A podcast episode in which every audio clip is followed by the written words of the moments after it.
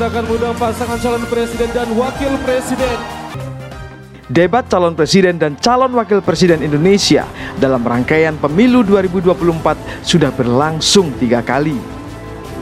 Publik pun telah disuguhi pertunjukan adu konsep, rencana, dan gagasan, bahkan drama dari pelaksanaan pasal 275 Undang-Undang Nomor 7 Tahun 2017 tentang pemilihan umum itu. Banyak aturan ditekuk sesuai dengan kepentingan yang sedang memegang kekuasaan. Apakah ini akan diteruskan? Tidak. Ini harus diubah. Ini harus dikembalikan. Dan bila kita saksikan hari ini ada satu orang milenial bisa menjadi calon wakil presiden. Tetapi ada ribuan milenial generasi Z yang peduli pada anak-anak bangsa, yang peduli pada mereka yang termarginalkan. Ketika mereka mengungkapkan pendapat, ketika mereka mengkritik pemerintah, justru mereka sering dihadapi dengan kekerasan, dihadapi dengan benturan, dan bahkan gas air mata. Kita harus arif, kita harus dewasa, dan kita tidak boleh munafik.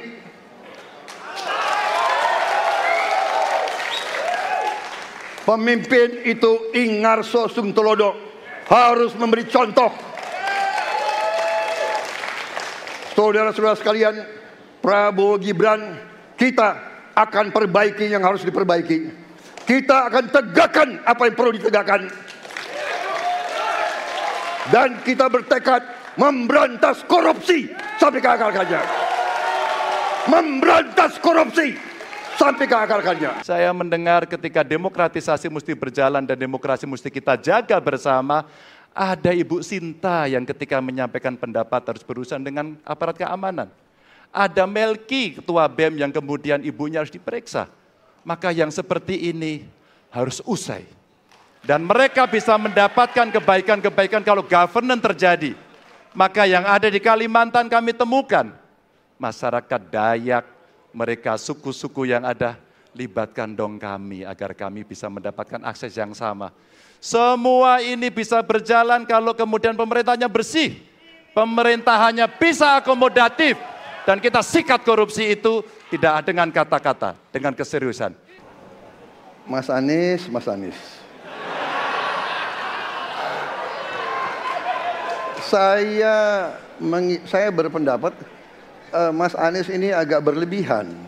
Mas Anies mengeluh tentang demokrasi ini dan itu dan ini, Mas Anies dipilih jadi gubernur DKI menghadapi pemerintah yang berkuasa. Saya yang mengusung Bapak.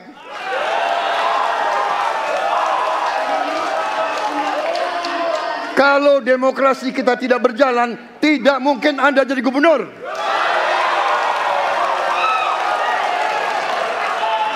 Kalau Jokowi diktator, Anda tidak mungkin jadi gubernur. Saya waktu itu oposisi, Mas Anies. Anda ke rumah saya, kita oposisi, Anda terpilih. Waktu habis, Bapak. Harap tenang. Inilah bedanya yang berbicara pakai data, yang berbicara pakai fiksi. Okay? Ini pakai data. Jadi ketika ditunjukkan, ya memang ada sumber polutan dari dalam kota. Tapi kalau sumber polutan itu hanya dari dalam kota, maka Pak pakai logika sederhana sekali. Jumlah motor dari hari ke hari sama, jumlah mobil dari hari ke hari sama. Maka harusnya angka polusinya sama setiap waktu. Betul tidak? Sejauh yang kita baca, sampai sekarang belum ada satupun investor yang masuk ke sana. Coba kalau ada sebut. Tenang. Kalau ada sebutkan misalnya dua atau satu gitu, investor mana yang sudah masuk ke sana? Padahal satu persen saja dari dari empat ratus sekian triliun itu untuk bangun jalan seluruh Kalimantan beres, membangun seluruh kota-kota di Kalimantan beres. Dan yang paling penting infrastruktur yang untuk SDM tiga persen aja dari seluruh anggaran IKN itu bisa membangun sekolah dengan baik di seluruh Kalimantan. Gus Muhaimin dulu sempat ikut meresmikan dan potong tumpeng di IKN. Ini gimana? Ini nggak konsisten. Dulu dukung, sekarang nggak dukung karena menjadi wakilnya Pak Anies yang mengusung tema perubahan. Sekali lagi Gus, mohon maaf, IKN ini bukan hanya membangun bangunan pemerintah, tapi juga sebagai simbol pemerataan pembangunan di Indonesia, sebagai simbol transformasi pembangunan di Indonesia. Dan untuk menanggapi Prof. Mahfud, Prof. mungkin nanti setelah pulang dari debat bisa di Google, sudah banyak yang masuk Maya pada Agung Sedayu. Dan nanti akan tambah lagi mungkin setelah Pilpres karena mereka kan akan pasti akan wait and see melihat stabilitas politik di Indonesia. Saya ingin bertanya bagaimana regulasi untuk carbon capture and storage. Cukup? Cukup Bapak? Baik. Baik. Silakan Bapak Mahfud untuk menjawab. Waktu Anda untuk menjawab adalah dua menit. Kita akan mulai ketika Bapak mulai berbicara. Silakan.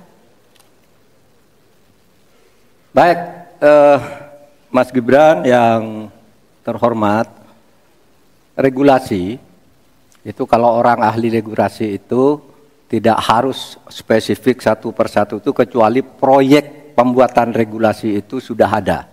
Kalau masalah SIPD ya tentu saya tahu Pak. Saya kan wali kota Pak. Saya pasti pakai SIPD untuk perencanaan anggaran kami Pak. Tapi kembali lagi ke pertanyaan saya Pak. Pak Prof Mahfud menjawab dua menit. Tapi pertanyaan saya belum dijawab sama sekali Pak. Apa regulasinya Pak untuk carbon capture and storage? Simple sekali Pak pertanyaan saya Pak. Mohon dijawab Pak. Dijawab sesuai pertanyaan yang saya tanyakan Pak. Nggak perlu ngambang ke mana-mana Pak. Terima kasih. Baik, cukup ya Pak ya. Kita lanjutkan, silakan Pak Mahfud. Jadi begini Mas Gibran, di dalam ilmu hukum, misalnya saya tanya kepada Anda sekarang ya, bagaimana cara membuat aturan tentang antariksa nasional? Anda pasti tidak tahu. Saya ingin Pak Gibran menyampaikan tips and tricks agar bupati, wali kota, dan pemerintah daerah yang lain bisa belajar agar proyek-proyek besar bisa di, ada dimasukkan di kota Solo. Jumlah anggaran yang digelontorkan ke Solo sebelum saya jadi wali kota itu lebih besar. Saya tahulah ini arah pertanyaannya ke mana. Bagaimana langkah Gus Muhaimin untuk menaikkan peringkat Indonesia di SGIE? Terima kasih. SGIE. Cukup Bapak? Terus terang SGIE saya nggak paham. SGIE itu apa? Tenang. Baik, Gus, kita kan sedang fokus mengembangkan ekonomi syariah, keuangan syariah. Otomatis kita harus ngerti juga masalah SGIE. SGIE itu adalah State of Global Islamic Economy. Misalnya sekarang yang sudah masuk peringkat 10 besar adalah makanan halal kita, skincare halal kita, fashion kita. Nah, itu yang saya maksud Gus. Dan ya mohon maaf kalau pertanyaannya agak sulit ya Gus. Terima kasih. Kalau kita bicara pada industri pertahanan kita, mesti kita kuatkan industri dalam negeri. Jadi mohon maaf kaitan dengan hutang, no utang, no usang. Sehingga alutsista kita betul-betul kita lakukan transfer of teknologi dari dalam negeri. Baik, Dan hutang-hutang yang kita gunakan untuk aktivitas produktif. Jangan hutang itu digunakan untuk kegiatan yang non produktif. Misalnya, hutang dipakai untuk membeli alutsista bekas oleh Kementerian Pertahanan. Itu bukan sesuatu yang tepat. Justru kita harus sebaliknya yang kita kerjakan. Saya nggak mengerti, jangan-jangan guru kita, buku kita sama, Pak Ganjar. Kok saya saya banyak sependapat, terus aja. Saya akan bilang AA, saya bukan orang macam-macam. Tapi Pak Anies, saya kira Pak Anies perlu belajar ekonomi lagi, ya kan? Jadi kalau bilang ideal 30% dasarnya apa? Yang di bawah kita itu Arab Saudi, Rusia, pokoknya negara-negara yang punya sumber alam yang luar biasa. Tetapi 40% ya salah satu terendah sekarang. Jadi kalau kita mau bangun industri, tadi tadi saya setuju sebagian dari yang Bapak sampaikan. Ut, oh iya, kenapa? Yang penting utang itu produktif. Itu saya setuju. Tapi dalam kenyataannya Pak, ketika Bapak memimpin di Kementerian Pertahanan, banyak orang dalam dalam pengadaan alutsista, PT Teknologi Militer Indonesia, Indonesia Defense Security. Lalu orang dalam dalam pengelolaan food estate. Lalu ada kejadian-kejadian di mana kita semua menyaksikan ketika ada pelanggaran etika dan Bapak tetap jalan terus dengan cawapres yang melanggar etika. Artinya ada kompromi atas standar etika. Standar etika ini fakta. Ini fakta. Dan kemudian dalam pidato Bapak mengolok-olok tentang penting etika. Saya tidak tega untuk mengulanginya. Pertanyaannya, apa penjelasan Pak Prabowo soal itu semua? Semua data yang saudara ungkapkan itu keliru semua. Jadi saya bersedia kita duduk, kita buka-bukaan ya. Mau bicara food estate, mau bicara apa uh, apa PT Teknologi Militer Indonesia, kita buka. Iya kan? Jadi di mana masalahnya? Nah, saudara bicara etik-etik, ya kan? Saya tuh keberatan karena saya menilai, maaf ya, karena Anda desak saya, saya terus terang aja saya menilai Anda tidak pantas bicara soal etik. Mas Anies gak usah takut. Disebut aja angkanya berapa gitu loh. Kayak saya gitu loh. Jangan di bawah lima, sebut aja berapa. Sebelas mas, dari seratus. Oke. Ini sedikit ngajari kendel Mas Anies biar berani. Namun belakangan muncul komentar-komentar bernada sumbang tentang pelaksanaan debat capres maupun cawapres. Tidak tanggung-tanggung, Presiden Joko Widodo pun ikut turun bicara. Meskipun demikian, KPU Pusat menegaskan sikapnya. Saya melihat substansi dari visinya malah tidak kelihatan. Yang kelihatan justru saling menyerang, yang sebetulnya nggak apa-apa, asal kebijakan, asal policy, asal visi yang diserang, nggak apa-apa.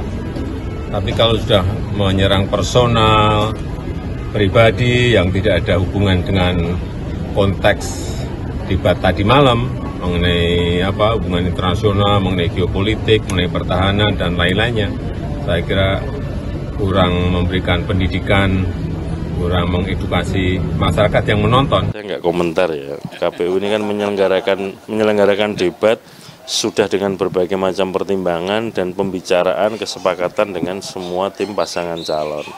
Misalkan termasuk dengan televisi eh, enam segmen. Segmen pertama pembuka penyampaian visi misi program. Kemudian segmen kedua dan ketiga adalah menjawab pertanyaan yang disiapkan oleh panelis yang ditetapkan oleh KPU kemudian segmen 4 dan 5 kan masing-masing calon mengajukan pertanyaan dan dijawab. Dan yang segmen terakhir yang keenam adalah penutup atau closing statement. Jadi eh, tentang strategi, tentang substansi jawaban, bukan ranah KPU untuk membuat penilaian, KPU menyiapkan eh, forum untuk debatnya. Jadi soal strateginya, substansinya itu sepenuhnya menjadi hak dan wewenangnya calon dan juga tim pasangan calon. Bagaimana evaluasi pelaksanaan debat yang selama ini sudah digelar? Apakah sudah sesuai dengan tujuan utamanya sebagai salah satu metode kampanye? Atau justru terjebak dalam gimmick debat semata? CNN Indonesia Plus Minus berbincang dengan beberapa ahli mengenai hal ini. Uh, tiga-tiganya akhirnya menyisakan persoalan debat yang diperdebatkan gitu ya. Debat yang diperdebatkan. diperdebatkan iya. Jadi setelah debat hmm. netizen yang berdebat gitu nah. kan, masyarakat yang berdebat. Bahkan sebelum dimulai juga diperdebatkan juga. Sebenarnya debat itu adalah seni. Seni mengelola komunikasi publik gitu ya. Jadi karena dia seni, harusnya para pelaku debat itu bisa memainkan teknik-tekniknya, strategi-strateginya gitu kan. Nah, yang kita ingin lihat dalam debat itu kan uh, bukan hanya soal isi pesannya tadi, genre isinya kan, gitu kan. Genre isi itu apa sih yang ingin mereka sampaikan isi pesannya? Apakah berkaitan dengan kemampuan bahasa komunikasi verbal, hmm. non verbal? Non verbal itu ekspresi wajahnya, kecerdasan emosionalnya, gitu kan. Nah, ini seharusnya bisa dilihat oleh timnya dulu. Karena dari debat kemarin nih saya baca nih di medsos itu akhirnya muncul efek muncul timbal balik komunikasi politik yang terjadi. Timbal baliknya mengatakan PDIP marah. PDIP marahnya apa? Terhina dianggap Bung Karno menggunakan semua barang bekas padahal saat itu Bung Karno menggunakan semua yang serba canggih katanya. Iya iya iya. Benar iya, kan? Iya iya iya. Kemudian eh, dari pihak-pihak lain ada emak-emak yang nangis. Kasihan. Kasihan terhadap Prabowo yang nampak meneteskan air mata, kelelahan menanggapin pertanyaan dua lawan lainnya. Ya. Dua kandidat lain seperti apa Pak Prabowo seperti menjadi bulan-bulanan bagi Anies dan Mas Ganjar gitu kan. Ini kan persepsi publik yang muncul pasca debat. Dan itu menurut Ibu malah membuat publik semakin seperti apa? semakin terbelah, semakin terbelah gitu kan. Memang berbeda keterbelahan publik di 2019 dibanding 2024. Iya. Kalau 2019 kita lebih masuk pada narasi politik identitas, Hmm. benar kan? Ada sara dan sebagainya. Kalau sekarang ini narasinya itu ne- tentang nepotisme, iya kan? Iya. Itu yang paling diperdebatkan. Sehingga Anies ketika awal-awal narasi kemarin juga langsung menyatakan narasi Soal etik gitu ya. pengantarnya Hmm. soal etik. Tapi publik itu menangkap nggak sih Bu materi-materi debat itu dengan baik menurut Ibu? Ya manalah mungkin persoalan dalam kementerian yang di, yang dianggap dikuasai oleh Pak Prabowo itu nggak mungkin dijelaskan hanya dalam dua menit. Tetapi kalau mereka bisa mengambil intisarinya, publik bisa jelas juga sebenarnya. Jadi terman, terma- tergantung sekali ya kepada kecakapan si komunikator politik. Nah, publik itu sepertinya menangkapnya jauh banget ya Bu ya dari apa yang Ibu harapkan ya dari Iya. Output sebuah debat ya Bu ya. Iya, karena tadi karena genrenya tadi. Karena si komunikator politiknya tidak menempatkan pesan-pesan komunikasinya yang ingin dia pertukarkan itu ke dalam tiga genre tadi. Genre isi. Jadi kalau dia sudah menguasai sangat seharusnya fokus nih omongannya nih. Kalau kita membuat sebuah background latar belakang penyajian narasi, biasanya kan ada kesenjangan antara dasain dan dasolen, antara harapan dan kenyataan. Percaya nggak ketika orang lain berbicara, Hmm. orang lain tuh bukan menyimak, menyimak gitu, tapi memikirkan dari mana ya satu kata narasinya ini yang bisa saya tembak sebagai peluru. Dalam debat kan seperti itu. Oh iya iya. iya. Nah, dia cari nih kelemahan kata-katanya yang satu dua. Jadi memang eh, komunikasi publik sebenarnya dari itu adalah teknik-teknik propaganda dalam komunikasi debat itu sendiri dia menyangkut berbagai teknik-teknik propaganda. Dia bisa mem- melakukan propaganda yang name calling kah, misalnya memberi jabatan nama-nama tertentu. Prabowo adalah si gemoy karena dia gemoy, kita harus gembira menyikapin politik ini. Bu, gitu kan. oke. Ini tinggal dua lagi. Oke. Kita sekarang masuk ke what next. Saya pikir ini bisa mengurangi ya perdebatan di tengah publik itu sendiri ketika benar-benar ahli loh panelisnya ini benar-benar ahli yang bisa mengupas persoalan itu kepada si kandidat. Sehingga terlihat kemampuan kandidat itu bukan karena dipojokkan oleh pertanyaan lawannya tapi oleh upaya panelis untuk menggali informasi sejauh mana kandidat ini bisa menampilkan pesan-pesan politiknya berkaitan jika nanti saya jadi presiden, presiden maka bidang ini akan saya lakukan begini. secara umum memang beberapa catatan misalnya kegagalan eh, dari catatan yang perlu saya dikritisi ya itu moderator mestinya kurang mampu menggali klarifikasi tidak terlalu apa segera dilakukan sehingga saya menyebut itu seperti jeda cermat. Nah, oleh karena itu dari sisi itu memang substansinya berapa bagian nah dan saya kira makin ke sini sempat kemarin agak makin oke gitu.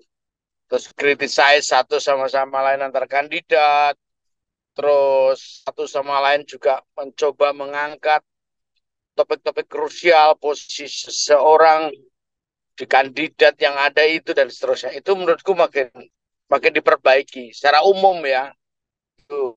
Meskipun sekali lagi mestinya ke depan juga kalau ke empat empat sama lima ya besok itu bisa diperbaiki dari sisi me- membeberkan data, membuat argumen, mengejar tentang logika itu penting juga supaya tidak sekedar tidak sekedar hanya menyampaikan lalu sebetulnya ini keliru nih. Ini ini udah bener nih. Oh ini perlu disambungkan ini. Nah itu kan menemukan uh, substansinya itu itulah kekuatan dan debat mestinya di sana. Pak tapi sebenarnya kalau debat itu itu seberapa besar sih Pak pengaruhnya pada pada publik secara umum itu Pak? Ya kalau bagi kelas menengah sebagian juga itu berpengaruh. Kalau di grassroots pengaruhnya nggak terlalu gede. Yang sebagian berpengaruh gede itu kayak dampak impactnya itu kayak TikTok itu juga sangat berpengaruh atau media sosial itu juga berpengaruh. Tapi debat secara umum mungkin beberapa bagian berpengaruh terutama kelompok menengah ke atas mas kalau di grassroots itu tuh kurang banyak. Tapi ketika debat itu kemudian uh, beberapa bagian kemudian di share ulang oleh media sosial itu juga berpengaruh akhirnya gitu. Ya tergantung siapa yang mau disasar. Ya at least paling tidak itu oh jadi pemimpin ini ngerti nggak sih gitu? Pak, kalau misalnya apa namanya dari publik sendiri, Bapak itu menilai ya. Publik kita itu bisa menangkap esensi debatnya atau terjebak pada gimmicknya, Pak?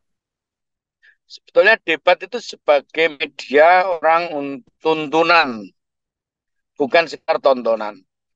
Nah, menjadi tontonan itu ketika debat itu di sebagian juga ditandai oleh gimmick penting gitu.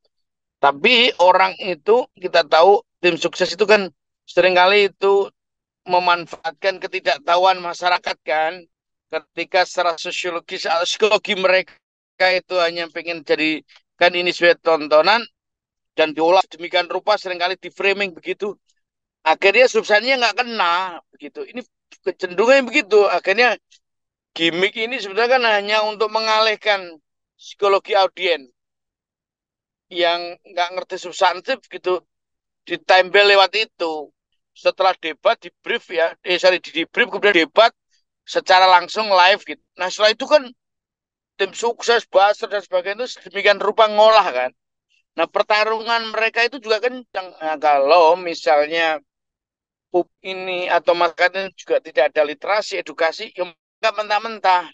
Yang nggak nonton live-nya itu bisa terpengaruh oleh permainan-permainan uh, di medsos atau gimmick yang sebenarnya bisa menutup itu. Nah ini berisiko sekali. Pokok permasalahan itu ditutup sering kali oleh politik baliho, politik pencitraan gimmick, macam-macam kayak gitu-gitu mas. Apalagi yang paling payah itu pakai dum-duman uang, terus pembagian kayak gitu-gitu. Ini yang menurutku membuat demokrasi kita itu tidak keluar dari zona apa apa mentalitas uh, menenggalam kesadaran kritis dan tidak keluar dari zona mentalitas rutin dari buah hajatan yang disebut dengan pemilu. Kira-kira apa yang ingin dikatakan publik agar bisa memahami debat dengan proper gitu, Pak? Gitu. Nah, komitmennya itu kata-katanya itu pegang Terus cara melihat masalah itu pro rakyat atau tidak, pro eh, bangsa atau tidak itu kelihatan. Nah ini kan antara pinter ngomong, terus kemudian penting juga. Tapi track record juga harus dikaitkan. Nah oleh karena itu pelajaran pokok itu dan mungkin yang saya ingin katakan upaya tim e, masyarakat sipil terus kemudian masyarakat atau publik tangkap itu substansinya kalau nggak beres kita beri catatan itu dan kita punya arena jelaskan di komunitasnya. Terus kemudian tim sukses itu diuji nih integritasnya. Tidak sekedar memenangkan kandidatnya gitu. Termasuk KPU Bawaslu. KPU Bawaslu itu dari atas sampai bawah tidak hanya sekedar memfasilitasi dalam arti teknis tapi juga mengingatkan uh, sebetulnya ini bisa memberi penilaian dan itu. Memang ini nggak mudah mas karena ya kita tahulah banyak survei-survei itu uh, apa penilai uh, surveyor. Ini konsultan politik ataukah analis dari survei nih? Kadang-kadang hanya sekedar membenarkan angkanya gitu. Lalu ber, ber, menumpulkan nalar sebagai ahli survei.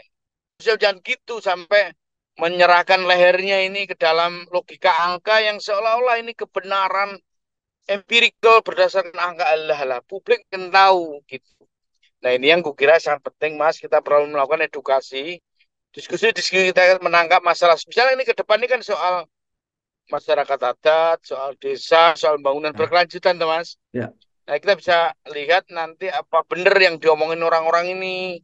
Jadi yang pertama, misalnya apakah topiknya itu kalau saya mungkin saya pemilih, hmm. saya akan berpikir oh ya ini penting ini akan mempengaruhi pekerjaan saya atau kehidupan saya. Atau barangkali kalau misalnya topiknya itu sangat relate atau terkait dengan perkembangan ilmu pengetahuan misalnya dosen atau mahasiswa saya akan melihat oh ya ini benar nih isu yang memang sedang kita sangat perhatikan. Misalnya kemarin ada soal ASEAN ya kan? Hmm.